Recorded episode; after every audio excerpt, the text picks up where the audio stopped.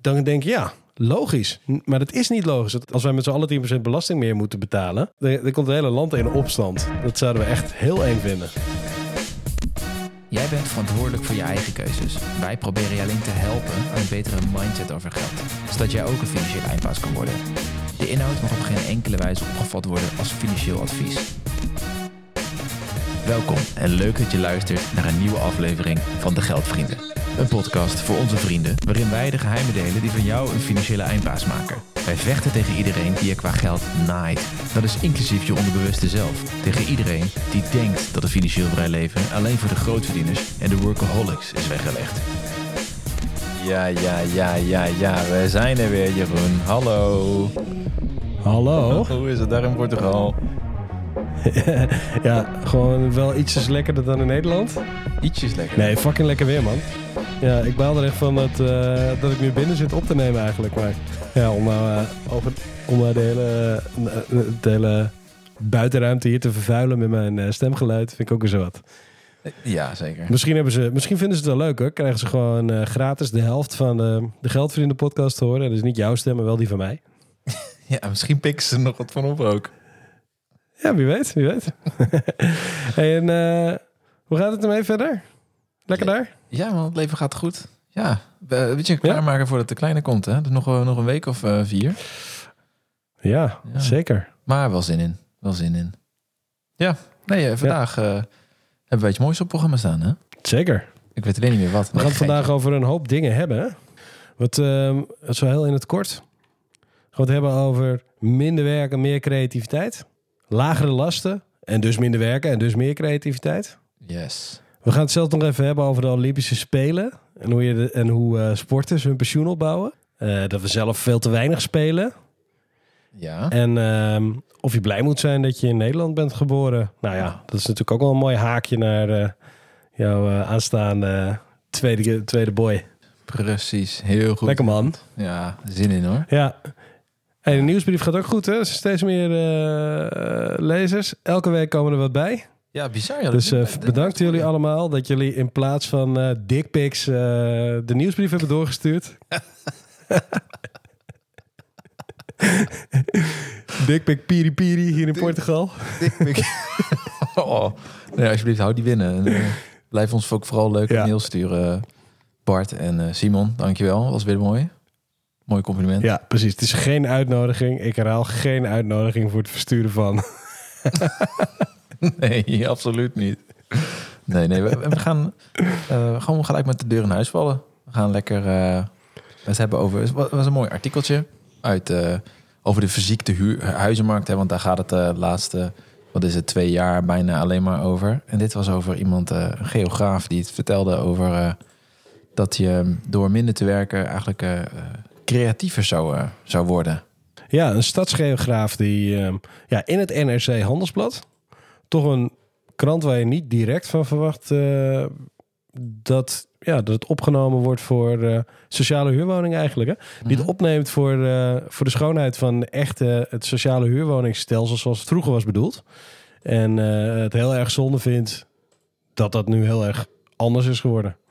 Want er is natuurlijk heel wat veranderd in de afgelopen tientallen jaren. Mhm. Ja. ja, absoluut. Heel veel. En ehm, ja, hij wijst er echt nadrukkelijk op dat het ehm, ja, niet alleen maar een kwestie is van te weinig huizen. Dat is natuurlijk een gegeven. Hè? Er zijn, op zich is, natu- is de woonvoorraad natuurlijk krap. Waarschijnlijk te krap. Mhm. Maar er, sp- er spelen natuurlijk nog wat andere dingen. En eh, veel daarvan ja, hangt ook, ook gewoon wel samen met het beleid wat we in Nederland hebben. Het, eh, de politiek. Ja, zo eens, zo eens kijken of we dat artikel een beetje kunnen eh, samenvatten, Thijs. Ja, dat is moeilijk. Ik ben nooit Ja. zo goed geweest in samenvatten. Ik ben wel goed geweest uit, eh, uit leuke dingen die, die me opvallen uit verhalen vertellen. Zoals dat zijn eh, vader eh, twee jaar dakloos was toen hij 13 was. En dat hij op een pleintje Zo, ja. rondhing. En dat hij zich schaamde als hij met zijn vrienden daar was. En dat is echt iets wat ik dacht, wow. Ja, precies. En, en dat kan dus, hè? Want ehm, ja, wat hij ook vertelt is dat eh, de, die stadsgeograaf dus, Mhm. Cody Hostenbach, nog nooit eerder van gehoord, maar ik vind het wel echt een goed artikel. Ehm, ja, die krijgt dan te horen dat hij mazzel heeft, want hij huurt maar voor 1000 euro per maand een appartement van 60 vierkante meter in Amsterdam Oost. Nou, koop je natuurlijk Ja. van een woningcorporatie. Maar dat is helemaal geen koopje. Want ehm, ja, het is nog steeds gewoon 1000 euro. En 1000 euro vaste maandlast. En dan ben je er nog niet. Want je moet het ook nog verwarmen. En je, je, moet, nog, eh, je moet nog wat belasting betalen over de vuilniszakken die je buiten zet. En, eh, en je boodschappen betalen. En eh, noem het op. Ehm, dat is best wel veel geld. Het, een soort stelregel was in het verleden dat, ja, dat je voor wonen ongeveer een procent of 20, 25 van je inkomen, ehm, van je netto inkomen kon uitgeven. En dan had je een gezonde hoeveelheid woonlast. Ja. Nou ja, dat is natuurlijk al lang niet meer zo. Want voor 1000 euro, ja, ik ga er niet vanuit dat deze meneer, ik hoop het voor hem, maar ik ga er niet vanuit dat hij zomaar 5000 euro netto verdient. Nee, nee, niemand toch? Bijna niemand. Zijn er maar Nee, weinig? dat doe je niet zo snel. Nee. Ja, precies. En ehm, nou ja, hij, eh, hij, hij zegt dan dus ook van ja, je kan wel zeggen dat, een, eh, dat dat mazzel is, maar dat vindt hij zelf dus niet. En dat is ook niet zo, want ja, hij betaalt eh met die minder dan marktconform, maar hij is wel in zijn boekje betekent het eigenlijk alleen dat anderen nog veel meer pech hebben. Mensen die daar voor diezelfde woning 1800 euro betalen of 2000 euro. Heel normaal. Ik sprak hier gisteren nog mijn eh, nou, tijdelijke buurman in Portugal. Mhm. Want ik ben dus, eh, voor, de, voor degenen die het niet weten, ik zit, ik, dat heb ik vorige podcast ook verteld, maar ik zit een tijdje, een maandje in, in Portugal voor, om, om gewoon lekker een stukje van de winter af te knabbelen. En hier lekker te werken. En eh, nou ja, goed. Dat is, dat, is, eh, dat is mijn leventje hier. En eh, ik, heb, ik, heb hier natuurlijk, ik spreek hier natuurlijk ook met de andere mensen die dit doen. En we hebben zo'n een Duitse, Duitse buurtjes. Die eigenlijk gewoon hetzelfde hebben gedaan. Die zijn er ook voor een paar weken. En ja, die vertelde dus over de huizenprijzen in München. Mhm. Munich. Ja, dat is ook niet normaal. Dat is Ook nog veel duurder. Hij vertelde wat je ja. krijgt voor... eh, ja, zeker. En dat is dus ook ons voorland. Want ja, goed. Weet je, dit wordt ook steeds internationaler. En, als, eh, en we weten dat de huizenprijzen deels worden opgedreven door internationale beleggers.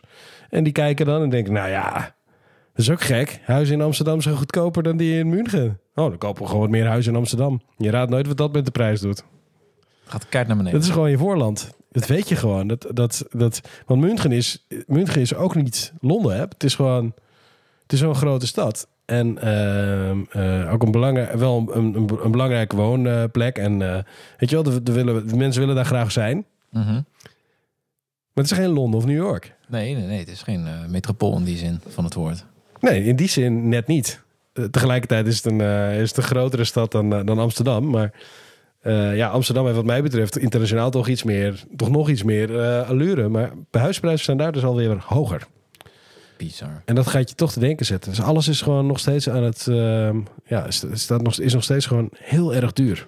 En wat... Ehm, maar ja, goed, die, die, die, daar hadden we het dus ook over. Daar had ik het toevallig ook mee over, over die huizenprijzen mee. En die zei ook van, net zoals wat ik zeg eigenlijk, is dat je dus moet kijken dat je, ja, dat het handig is als je het voor elkaar krijgt om je woonlasten wat te beperken door dan maar gewoon wat kleiner te blijven wonen en niet mee te gaan met alle anderen die steeds een iets grotere huis hebben en dat je denkt, oh die hebben wel echt een hele mooie nieuwe keuken en weet ik veel wat. Waardoor je dus wel de mogelijkheid hebt om misschien wat minder te werken, wat vroeger te stoppen, eh, wat, wat werken te doen wat je leuker vindt, et cetera, et cetera. En daar gaat dit artikel ook al over. Uiteindelijk komt hij er ook op een gegeven moment op hoe het, hoe het ook kan. Maar laten we eerst even het artikel eventjes doornemen. Eh, het begint dus over, de, over, die, over die prijs. Hè? Dat wij het Mhm. vinden dat je mazzel hebt. Als je, als je slechts 1000 euro betaalt aan huur, wat je dus Mhm. iedere maand gewoon inlevert, hè? krijg je helemaal niks voor terug. Je bouwt niks op, je lost niks af. Je levert het, je het in en het is weg. nee, je krijgt hooguit 1000 euro voor 60 een ander. vierkante meter woonruimte voor. Dat is eh, betrekkelijk weinig. Ja, nee, tuurlijk. Dat- precies, dat is betrekkelijk weinig. Maar het is wel je woning. Eh, dus je moet, eh, het is ook een belangrijk iets om te, om te doen. Hè? Een woning hebben is vrij, is vrij belangrijk voor jezelf. Ja, dat is wat ik zei. Dat weet hij dus ook, omdat zijn, zijn vader is voor elkaar... Ja, precies. Je kan niet zonder. Ja, precies. Ja, ja. Dus je bent gewoon bereid om, om dan maar wat dieper in de buidel te tasten. Maar is dat mazzel dat je dan minder hard genaaid wordt dan anderen? Nou nee, hij, hij noemt het gewoon minder pech hebben. En dat vind ik eigenlijk wel mooier eh, gezegd. Hij zegt, ja, eh, weet je, hij krijgt dan ook te horen van ga dan in een andere stad lopen. Nou, terecht. Ga vooral ergens anders wonen als je, Mhm. dat, eh, als je, dat, eh, als je daar oké mee bent. Maar het kan ook zo zijn dat je het belangrijk vindt om, om wel in Amsterdam te wonen. Omdat je daar je werk en vrienden hebt. Of in een andere stad. En dat je niet heel graag in Oost-Groningen woont. Ondanks dat je misschien remote kan werken, maar misschien word je daar wel gewoon diep ongelukkig van. En dan is dat, ja, misschien een vorm van luxe. Hè? Dat je dus wel in zo'n stad blijft wonen. En dan mag je voor betalen, maar nog steeds is het wel een beetje lijp dat eh, die prijzen zijn opgelopen natuurlijk. Ja, ja, want hij En dat is dus blijkbaar in München ook zo. Ja, want hij stelt ook dat in... nou, stelt. De gemiddelde verkoopprijs van de woning in Amsterdam lag afgelopen kwartaal op ruim 6 ton. Dat is ruim twee keer zoveel ton, als ja. acht jaar geleden. Dus hij zegt ook wie Ja, acht- precies. En het is echt niet zo dat er gemiddeld grotere huizen staan hè, dan acht jaar geleden. dat, dat zijn er mooi precies even groot. Het is allemaal net zoveel opgeblazen. Ja, maar dubbel zo duur, hè? Dan- Wie dan nog niet gekocht heeft, die, ja, dat is dan een sukkel, hè, noemt hij het. Die steeds Ehm, verder achterop raakt. Want die heeft, ja, precies. Maar die sukkel, die, heeft, die, die kan misschien niet anders. En eh, de reden dat het, dat het, eh, het lijkt erop, wat hij ook zegt, is dat de reden dat we het nu weer, dat het nu weer cool is om het over woningnood te hebben, dat er weer geprotesteerd wordt, dat, dat er weer een stem te horen is Mhm. van mensen die, die zeggen van ja, maar wij, wij, er moet iets, iets veranderen. Weet je wel, het volk laat zich weer horen. Dat is jarenlang niet zo geweest, maar nu wel. Mensen maken zich weer boos. Mensen protesteren. Maar dat, de belangrijkste reden, dat zegt hij, is dat nu de middenklasse geraakt wordt. Eigenlijk iets wat we de vorige keer ook over hadden. Mensen die dus gewoon goed verdienen, staan toch buiten spel voor de woningen die ze eigenlijk willen. En, dat is de, en de, de eisen die ze stellen zijn niet per se hoger geworden. Alleen je krijgt gewoon minder voor je geld. Weet je, natuurlijk is het zo dat als je jong gezin hebt met, met twee kinderen, dan is het fijn als je twee slaapkamers hebt.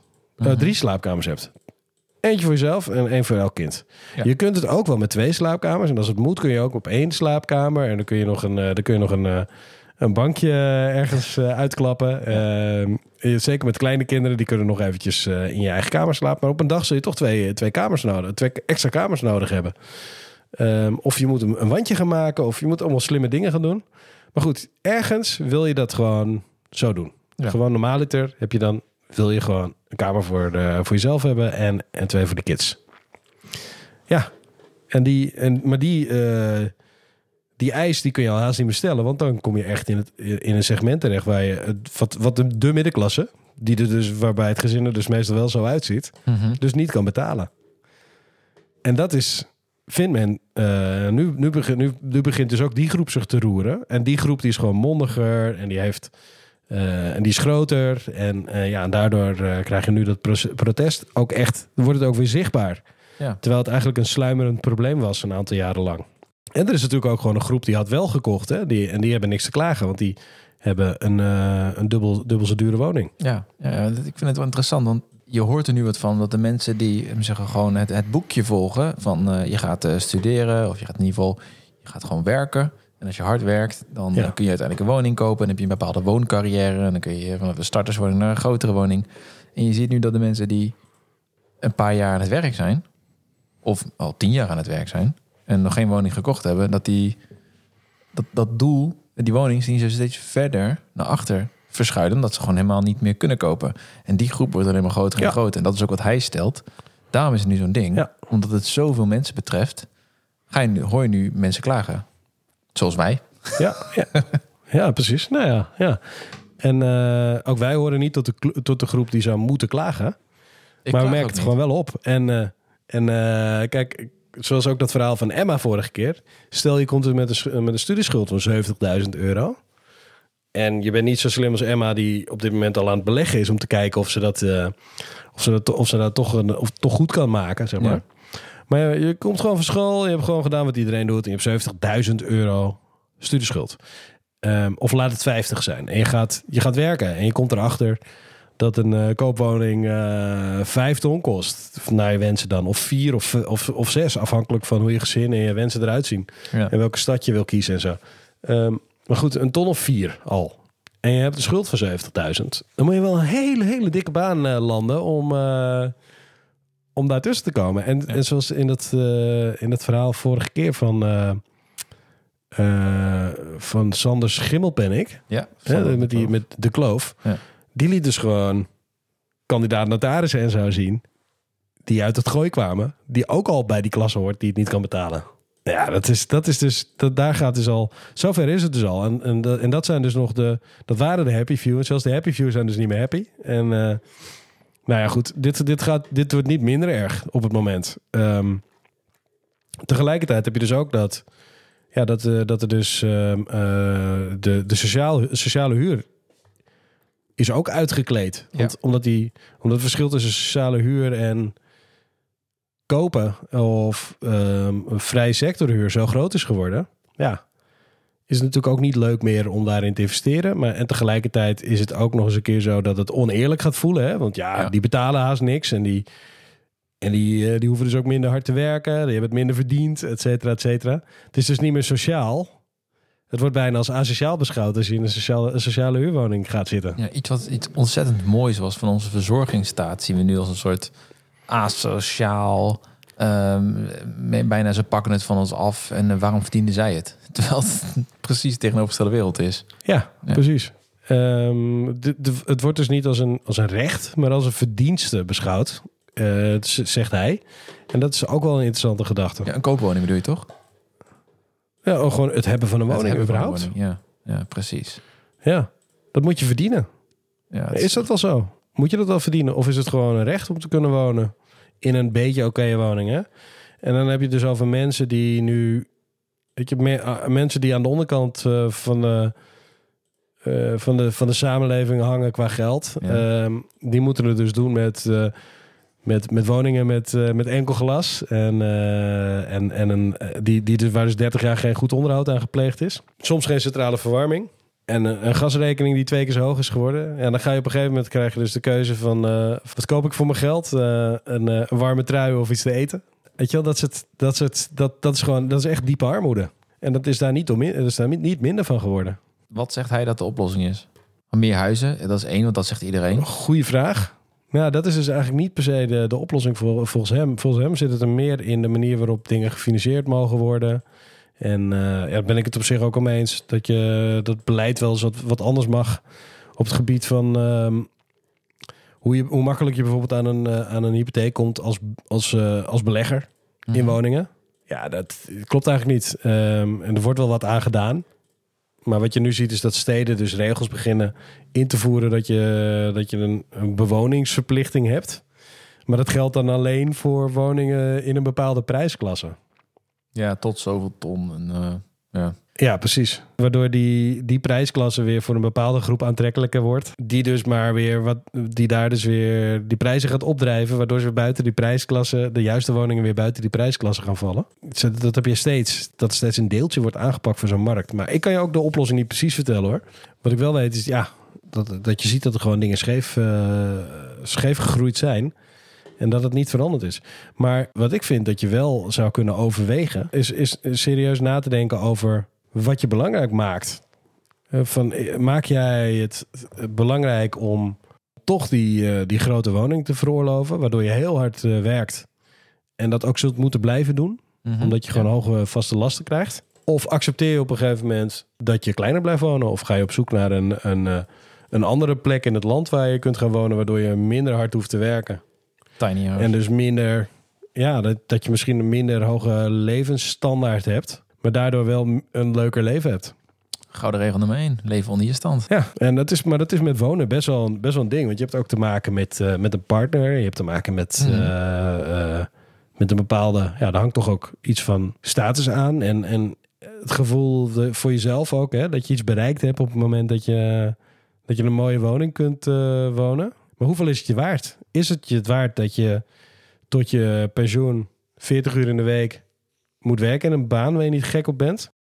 Dan maar liever een wat minder uh, mooie plek of een wat minder mooie woning of een minder grote woning. Waarbij ik uh, ruimte overhoud om iets minder te werken of het vroeger te stoppen of, of werk te doen wat ik leuker vind. Inderdaad, ik denk dat laatste is veel Waar ik meer voldoening uit haal. Ja, ik denk dat je juist ziet als je naar een situatie gaat, dat is een beetje ook dat... Uh, hoe heet het ook weer, het basisinkomen idee. Op het moment dat jij mm-hmm. meer, ruimte, meer, meer, meer financiële ruimte hebt, uh, dan ga je jezelf op een heel andere manier ontplooien. Dat, dat daar geloof ik uh, in. Dat is volgens mij ook al een paar keer uh, aangetoond. Dus als jij een, niet meer die 30% of die 40% van je inkomen kwijt bent aan, aan, aan woonlasten, maar ik voel 10% of zo, echt, echt heel weinig, dan Ja. hoef je ook niet ehm, die twee dagen extra te werken om die woning te bekostigen. Dan kun je bijvoorbeeld kijken naar werk waarbij je wat meer voldoening haalt. Ehm, ik wil, ga je ehm, of jezelf ontplooien. Dat kan natuurlijk ook. Je hoeft niet direct iets voor de maatschappij te doen, maar je ziet denk ik wel meer. Nee, je kan gewoon een muziekcarrière gaan nastreven. Ook al weet je dat, je de, dat de kans erop dat je, dat je een superster wordt nogal klein is. Ja. Kun je wel gaan leven voor de muziek, ja, ik denk juist. bijvoorbeeld. Ja, ja, en ik vind het interessant dat die de neoliberale gedachte is. eh, je moet mensen een soort van naar de afgrond eh, dwingen. En, en dan willen ze het echt. Hè? Dus dan, dan komen ze er echt achter van oef, ik heb niks, dus ik moet maar wat gaan doen.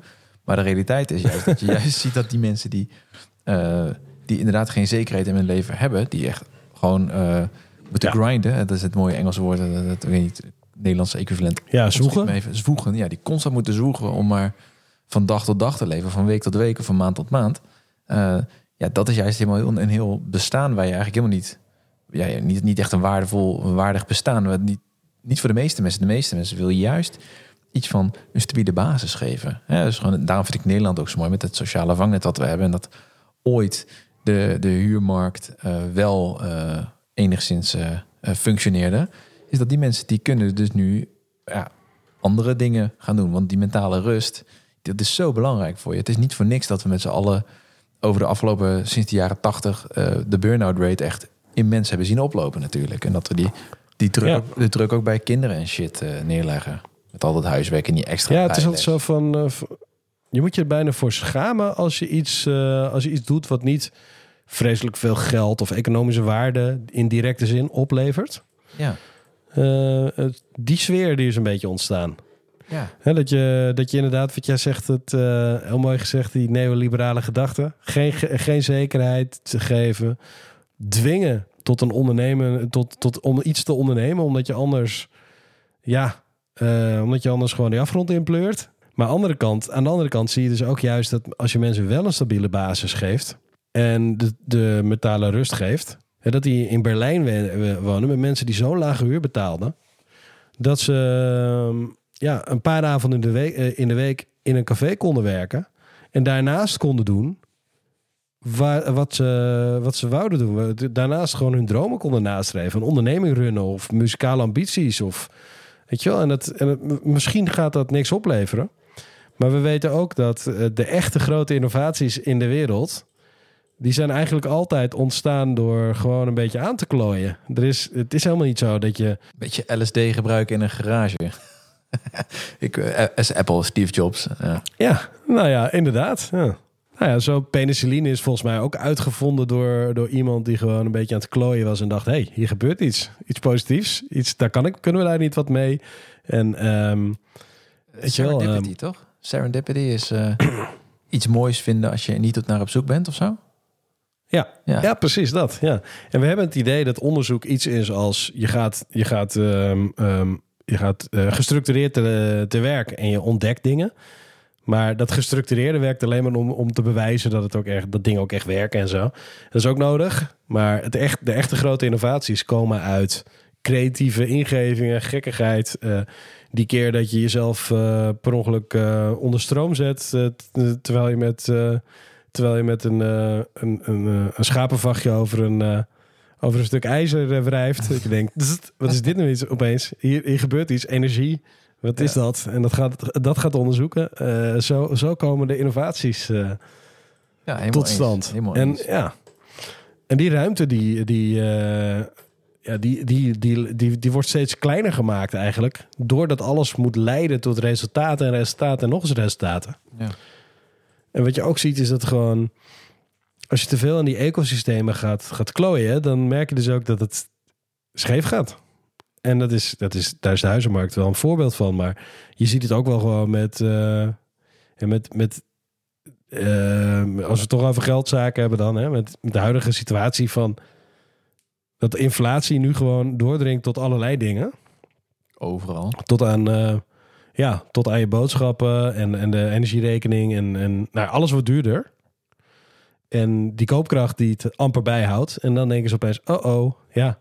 Ja, laten we nu maar de boel een beetje gaan verkrappen. Ja, eh, die rente verhogen en zo. En dan, Wat Als je niet uitkijkt, krijg je dan een situatie waarin het... Ja, precies. Dus als je niet uitkijkt, kom je in een situatie te zitten waarin eh, geld duurder wordt om te verkrijgen. Ja. De lonen niet stijgen, de investeringen niet stijgen, de lonen niet stijgen. Maar de producten nog steeds zo duur of duurder zijn eh, als nu. Is dat de loonprijsspiraal? Nou, dat is eigenlijk een situatie waarin je aan de ene kant inflatie hebt... en aan de andere kant een haperende economie. Stagnatie. Oh ja, stagnatie. En dat is, de, en dat is een, een prachtig woord, maar echt het naarste wat je kunt hebben is een beetje de stagflatie. Stagflatie, ja. Ja, dus de combinatie van die twee. Ja, dat is echt het kutste. ja, scheefgroei dus. Scheefgroei, ja. nice. Ja. Maar al een al- onderwerp eh, waar we het momenteel veel over hebben. Ja, maar al in al is het dus eigenlijk ehm, minder werken geeft je eigenlijk meer ruimte om creatiever om te gaan met de tijd in je leven. Ja, nou eigenlijk meer, minder eisen stellen aan, eh, aan je Ja, levensstandaard. Ja. Zorg ervoor dat je minder hoeft te werken. Zorg ervoor dat je een echte dat je meer leeft. En het is dus een vraag van ja, ja, maar ik leef toch ook nu? Dat is vaak het, het, het, het antwoord wat je, wat je terugkrijgt. Klopt. En dan vraag ik me altijd af van ja, is het hangt, hangt je levensgenot dan uit van eh, af van eh, de grootte van je, van je eettafel die je kwijt kunt? Of ja, dat is misschien ook wel leuk, maar is dat dan belangrijker dan, eh, dan hoe je je tijd zeg maar besteedt? In mijn optiek is tijd je allerbelangrijkste, waardevolste bezit. Ja. Dan moet je die gewoon, moet je gewoon elke dag een beetje, beetje leuk maken. En moet je zorgen dat je dus niet alleen maar aan het werk bent. Werken is wel leuk, maar om nou alleen maar aan het werk te zijn, dat moet je dus zien te voorkomen. En dat kan je wel voorkomen door lagere lasten te hebben. Of door geld over te houden, door gewoon minder uit te geven aan je dagelijkse zaken. Om, om slimme keuzes te maken in waar je je geld aan uitgeeft. Dus onder je stand te leven. Dus het komt toch allemaal weer daarop neer. En je kunt natuurlijk niet, niet eigenhandig iets doen aan de, aan de, ja, aan de, aan de, aan de woningprijs. Nee, Daar dan kun je je niks aan knap. Knappe jongen als je dat kan.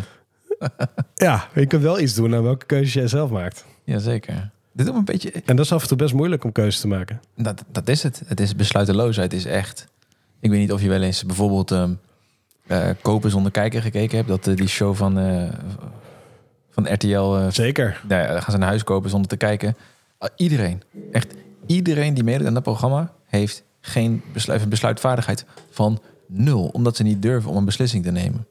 En eh, Nee, maar die zijn ook allemaal, die hebben ook allemaal de situatie waarin ze gewoon een beetje buiten spel staan voor de woningen die ze echt willen. ja, nee, dat precies. Omdat iedereen heeft een soort van droomscenario voor zich. En wordt gedreven door FOMO. Ja. En als je dan moet zeggen, ja, dan is de realiteit. Je moet bepaalde dingen kunnen kiezen.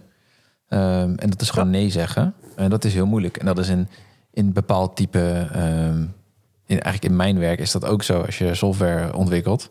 Ja, je moet gewoon heel Ja. vaak nee verkopen. Omdat dingen gewoon niet, ja, niet kunnen binnen een bepaald tijdsbestek. Of dat dat niet zinvol is. Je moet dingen heel erg simpel houden. Je moet de focus houden, anders lukt het niet. Nou, dus met besluitvaardigheid is echt zo'n dingetje. Maar ook, ehm, Ja. dat zijpelt misschien ook een beetje door in het, in het dagelijkse leven. Is dat de meeste mensen willen van alles. Weet je wel, willen en de beste iPhone en de mooiste koffiezetapparaat. En ze willen een super chef-kok zijn. En ook een super ontzettend sociaal dier voor al hun vrienden en familie. Maar de realiteit is dat, dat, Mhm. niet, dat je dat niet allemaal tegelijkertijd kunt zijn. En ik weet niet of jij toevallig ehm, Ricky Gervais kent. Natuurlijk ken je die. Tuurlijk ken ik Ja, die. die heeft- Beste serie ooit, Afterlife. man, man, Mooi, man. Dat ken je dus. Nou, en ik weet Als je, me ooit, als je ooit eh, mij voor een scherm ziet en, en echt, echt in, mijn, eh, in mijn broek moet pissen van het lachen, zeg maar. Dat is dat. dat, ja. Man, oh man, wat een heerlijke, wat een, wat een heerlijke. De, hij heeft is een nieuwe serie, hè? Heb je Ja, hij heeft net nieuwe net Afterlife eh, serie 3. Het is, Oh man, er zaten weer een paar grappen in, jongen. Dat hij op een gegeven moment het is zo goed. die autoruit in elkaar tieft met een, eh, met een steen. gewoon echt... Als gast gewoon kant noemt, omdat hij niet stopt voor een zebrapad. Ja, En iedereen die ik ken... Ja, dit moet even tussendoor hoor, Thijs. Ik weet dat ik je onderbreek. Nee, dat is iedereen die ik ken heeft die gedachte wel eens. Soms dan steek je over op een zebrapad... en dan rijdt er een of andere tyfusleier zo wat over je tenen heen. Ja. Of jou zo wat aan, zeg maar. En dan gewoon... En die heeft je heus wel gezien, weet je wel. Maar die had gewoon geen zin om voor jou te stoppen. En dan denk je, man, man, man, hoezo stop je niet gewoon even? Hoezo neem je niet even de tijd om gewoon te stoppen en te zeggen, ga je gang. Ja. Nee hoor, gewoon zo wap, doorscheuren en een beetje tof bekijken. Keiharde muziek uit de, uit de, uit de kutspeakers. Eh, blauwe achterlichten, dat werk. En dat je, dan heb je gewoon, hoe vaak denk je niet van, wat zou dat toch lekker zijn als ik gewoon een steen in mijn auto had. Om die gewoon door de achteruit te tyfen. En hij doet het in die serie gewoon. Het is zo lekker om te Zo, zien. Het is zo'n goed moment. maar hij is net als, eh, ik vind hem, ik, Marcel van Rosmalen denk ik ook wel. Ja, ja, ja. Ja, de- Ja. hij en Ricky Gervais zijn voor mij betreft, eh, en, en Nassim Taleb eigenlijk, zijn, zijn Ja. in, in, idolen in een paar opzichten. En vooral het opzicht dat zij uitdragen dat zij echt gewoon geen fuck geven om wat anderen van hem hen vinden. En dat is, Mhm. dat is echt een kwaliteit, jongen. Dat is echt fantastisch. En ook hij is Autonomie. autonomie en ook hij geeft ook geen. Hij geeft gewoon geen fuck in die zin dat hij. Hij weet heel goed wat hem dierbaar is in het leven. En die, die serie Ja. is enerzijds is het, eh, is het echt super mooi. is het heel grappig in die zin dat het. eh, dat het, is maar heel herkenbaar, maar het is ook zo in en in triest eigenlijk. Als je, want het gaat natuurlijk over iemand die zijn eh, vrouw heeft verloren eh, en eigenlijk alleen achterblijft. Eh, en, Ja. en, en eigenlijk geen, de zin van het leven een beetje aan het zoeken is. En die, die tweestrijd Ja, en, tussen van er is iets moois, maar ik wil niet meer. Dat is een hele mooie, delicate balans. Het is, Ja, hij heeft gewoon, het is mislukt om zelfmoord te plegen. ja, En daarom, of tenminste, hij wou zelfmoord plegen, maar hij was gewoon te slap omdat zijn hond eten nodig had. Yep. oké, shit, ik moet nog voor die hond zorgen. Ja. Nou ja, oké, dus maar geen zelfmoord gepleegd. ja. En, en toen dacht hij, ja, ik kan altijd nog zelfmoord plegen. Dus het maakt ook niet meer uit wat ik doe in het leven. Ik kan er altijd nog, ik heb altijd nog een oud. Dus ik kan gewoon, het leven kan ik gewoon, exact. in het leven kan ik gewoon zo kut zijn tegen mensen als ik zelf wil. I don't care anymore. En hij geeft gewoon geen reet meer. En, dan, en dat is dan, ja, dat, is dan, dat ziet hij dan als een superpower. Terwijl het natuurlijk een hele negatieve manier van leven is eigenlijk. Ja, uit, ja, ja, Maar eh, ja. ja, precies. Maar het is gewoon zijn superpower geworden. Ja. Maar in dat opzicht is er trouwens nog een film die echt great is. Office Space. dat ken ik Dat gaat ook over een gast die, eh, die heeft op een gegeven moment... eh, die, die is onder hypnose geraakt en daar niet meer uitgekomen. En vanaf dat moment kan werkelijk niks hem eer iets schelen. Wat anderen vinden van hem en zo. En dan zo gaat hij zich ook zo, ook, ook zo gedragen op het werk. En dat levert hem verrassend veel succes op. Dat hij, dat hij allemaal dingen doen die echt niet kunnen. Ik denk ook oprecht dat dat, dat dat heel... Voor veel mensen dat het goed is om af en toe een keer zo in het leven te staan. Het klinkt misschien, het Ja, klinkt man, misschien maar heel, heel bot. Het is, maar- wel, het, is, het is wel heel lastig en onaangepast hoor, om het echt zo te zijn. ja, en, natuurlijk. eh, het gaat ook niet in, in alle Het is wel maar- lekker om het, om het te mogen zijn, om een beetje te mogen muiten. Ja, En eh, ja, hey, luister, dat is een van de dingen, een van onze geldvrienden.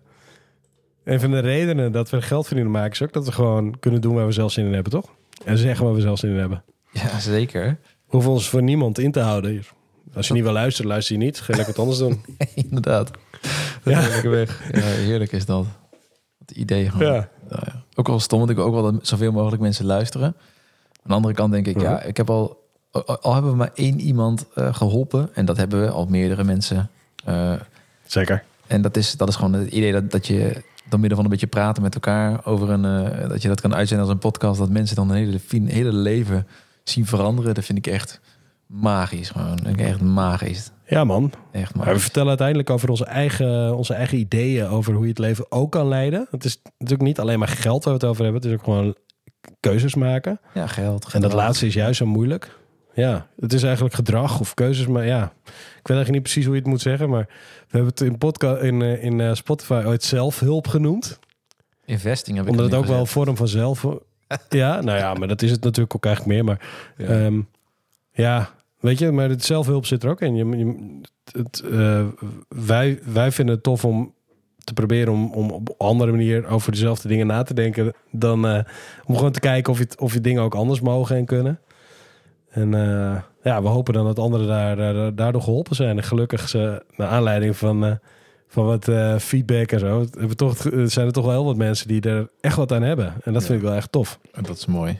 We, we zijn weer lekker aan het, aan het, aan het afdwalen, hè, of Ja, niet? lekker, zo gaat het dan. Dat is een daar is een podcast voor.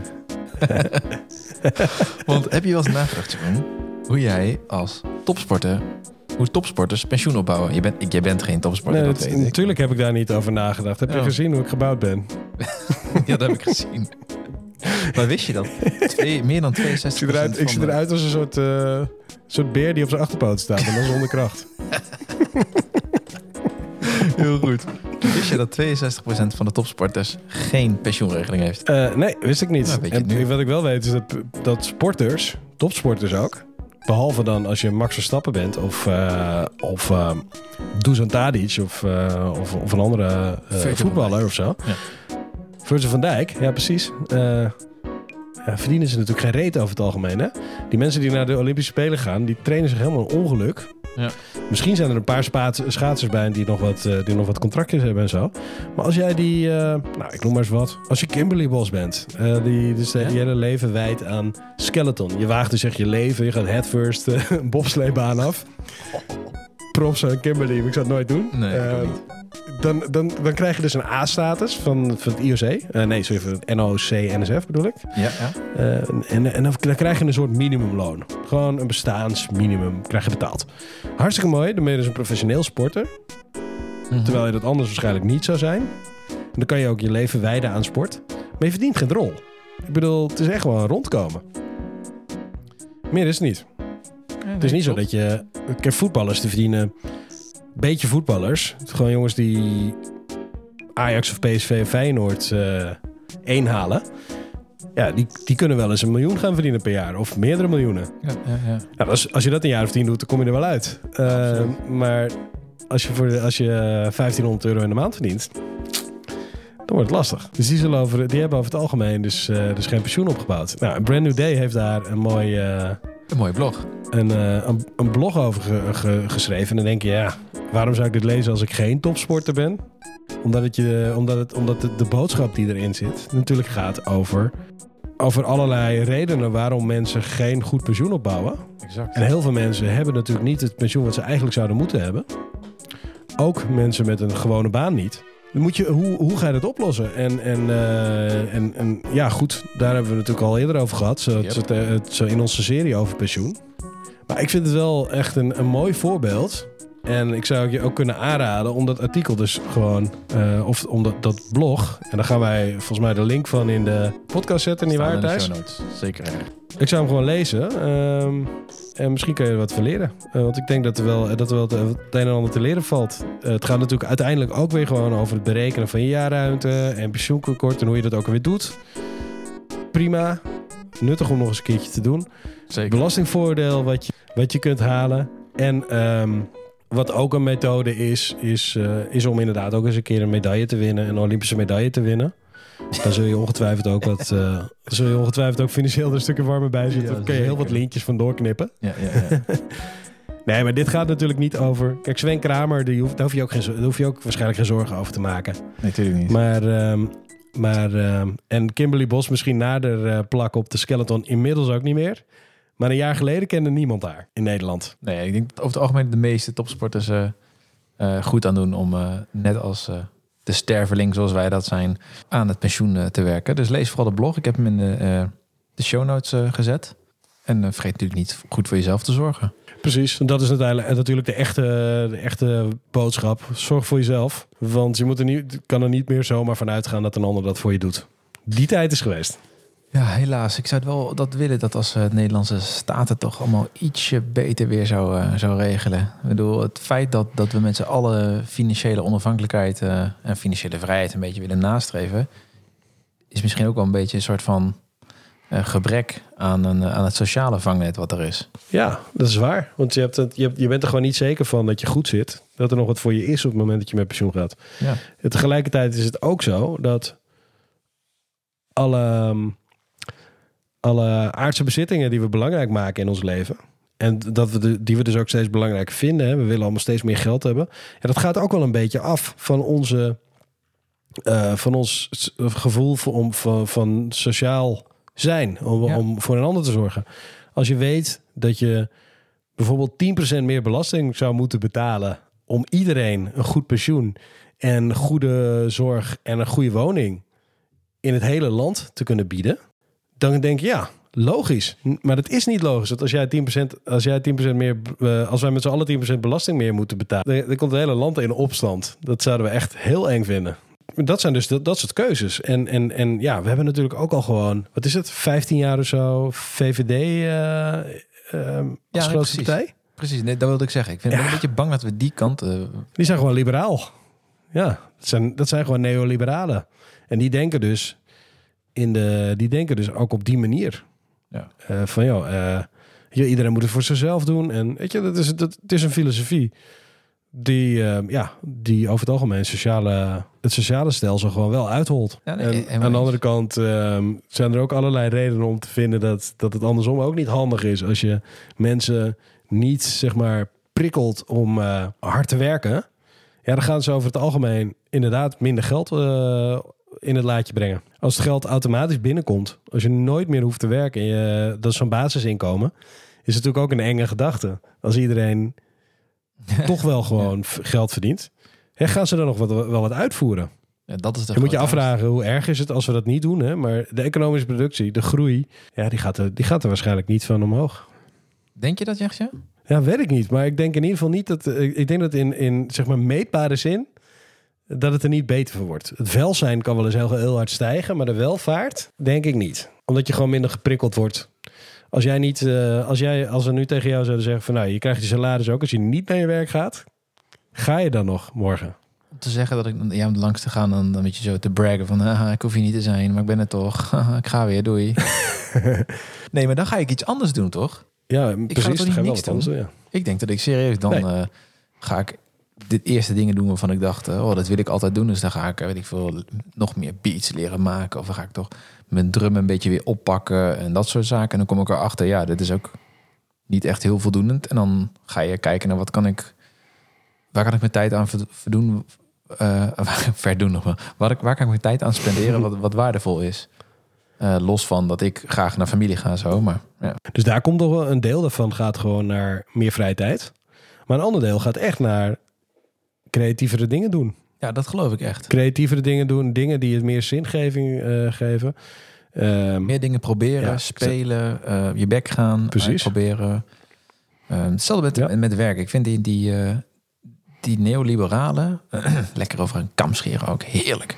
Is, is vaak, lekker hè? ik vind zo'n zo, zo'n micromanager vind ik ook zo irritant. Zo van, ehm, Ja. dat je iets moet doen en dat je vervolgens op, op gewoon continu op, op gewoon dat iemand over je schouder de hele tijd meekijkt en op je vingers tikt de hele tijd en elke dag wil weten hoe het gaat en belt en dat is toch verschrikkelijk. Dat is toch niemand wordt dat toch Nee, het is van? vreselijk. Ja. ja, het is vreselijk als je moet uitleggen. Als iemand je vraagt van... hey, ho ho, je ging om kwart over twaalf de deur uit. Het is nu kwart over één. We hebben toch drie kwartier pauze hier? Ja, oh vreselijk. Dat. Ja. Terwijl jij weet dat je gewoon twee keer zoveel doet als diezelfde collega. Ja. En ook al weet je het niet, hè? ook al ben je wat luier. Hou op man, ga je met andere dingen bemoeien. Ja, nou, het, met zijn nooit, anders. zijn ook bijna nooit degenen die zelf het meest efficiënt en effectief zijn die dat soort dingen zeggen. Nee, natuurlijk niet.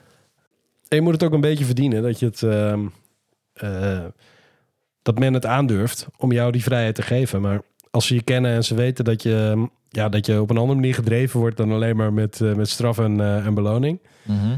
Dat je gewoon zelf iets, eh, dat je zelf iets van je dag probeert te maken. En dus ook van je werk. Dan komt het vaak wel goed. En dan kom je ook wel vaak op, als het goed is, op een plek eh, terecht waar, waar, ze, dat ook, waar ze dat ook waarderen. En waar ze dat ook snappen. En waar ze dus niet vakantiedagen en uren en ik veel wat tellen. Maar waar, waar ze gewoon kijken van wat ben je eigenlijk voor ons waard en zo. En, eh, en dat is dan vaak dus ook meer. Ja, en daar word je, daar word je, daar ben je iets, daar, daar snappen ze je waarde. Als je een, zeg maar een, eh, een hele zeldzame munt zou hebben. Mhm. En je zou mee naar een. eh, je, zou, je gaat ermee naar de rommelmarkt met, eh, met, op, op, met Koninginnedag. Koningsdag, sorry. Gaat ermee naar de rommelmarkt. En je verkoopt hem daar. Ja, dan ziet iemand een oude munt en denkt ze, nou, kijk of het wat waard is. En betaal ze een eurotje ervoor. Als je, naar, als je daarmee naar een, een veiling gaat met allemaal kenners van munten. Dan blijkt die misschien wel een miljoen waard te zijn. Ja. Dus je moet ook ergens zijn waar je waarde, zeg maar, bekend staat. Waar je, waar je gekend wordt voor je waarde. Daar moet je aanwezig proberen te zijn. Vind ik heel mooi. Ik weet bijna geen bruggetje meer naar het volgende onderwerp, Jeroen. Oh, ik moet er heel veel uit. Mijn telefoon gaat. Dat is helemaal goed. Ik ga hem ook gewoon eh, ondertussen gewoon afronden, want we zijn er klaar. Ja, heb je nog vragen? Mail ons dan info.geldvrienden.nl. Schrijf je ook in om, voor die nieuwsbrief, want daar komt zeker elke maand wel wat leuks uit. Eh, je kan ook vriend van de show worden, dat zouden we echt super leuk vinden. Daar kun je maandelijks of een eenmalige bijdrage doen om onze koffie te betalen. Super nice. In de show notes kun je de linkjes vinden naar de blogs. Ook nog een leuk artikel over de stadsgeograaf en die van uh, Brand New Day. En de volgende keer uh, onder andere nog wat vragen van de luisteraars. En uh, dan zitten we denk ik weer in één ruimte samen, Jeroen. en voor nu, dan zou ik zeggen, een hele fijne dag. Yes, toedels.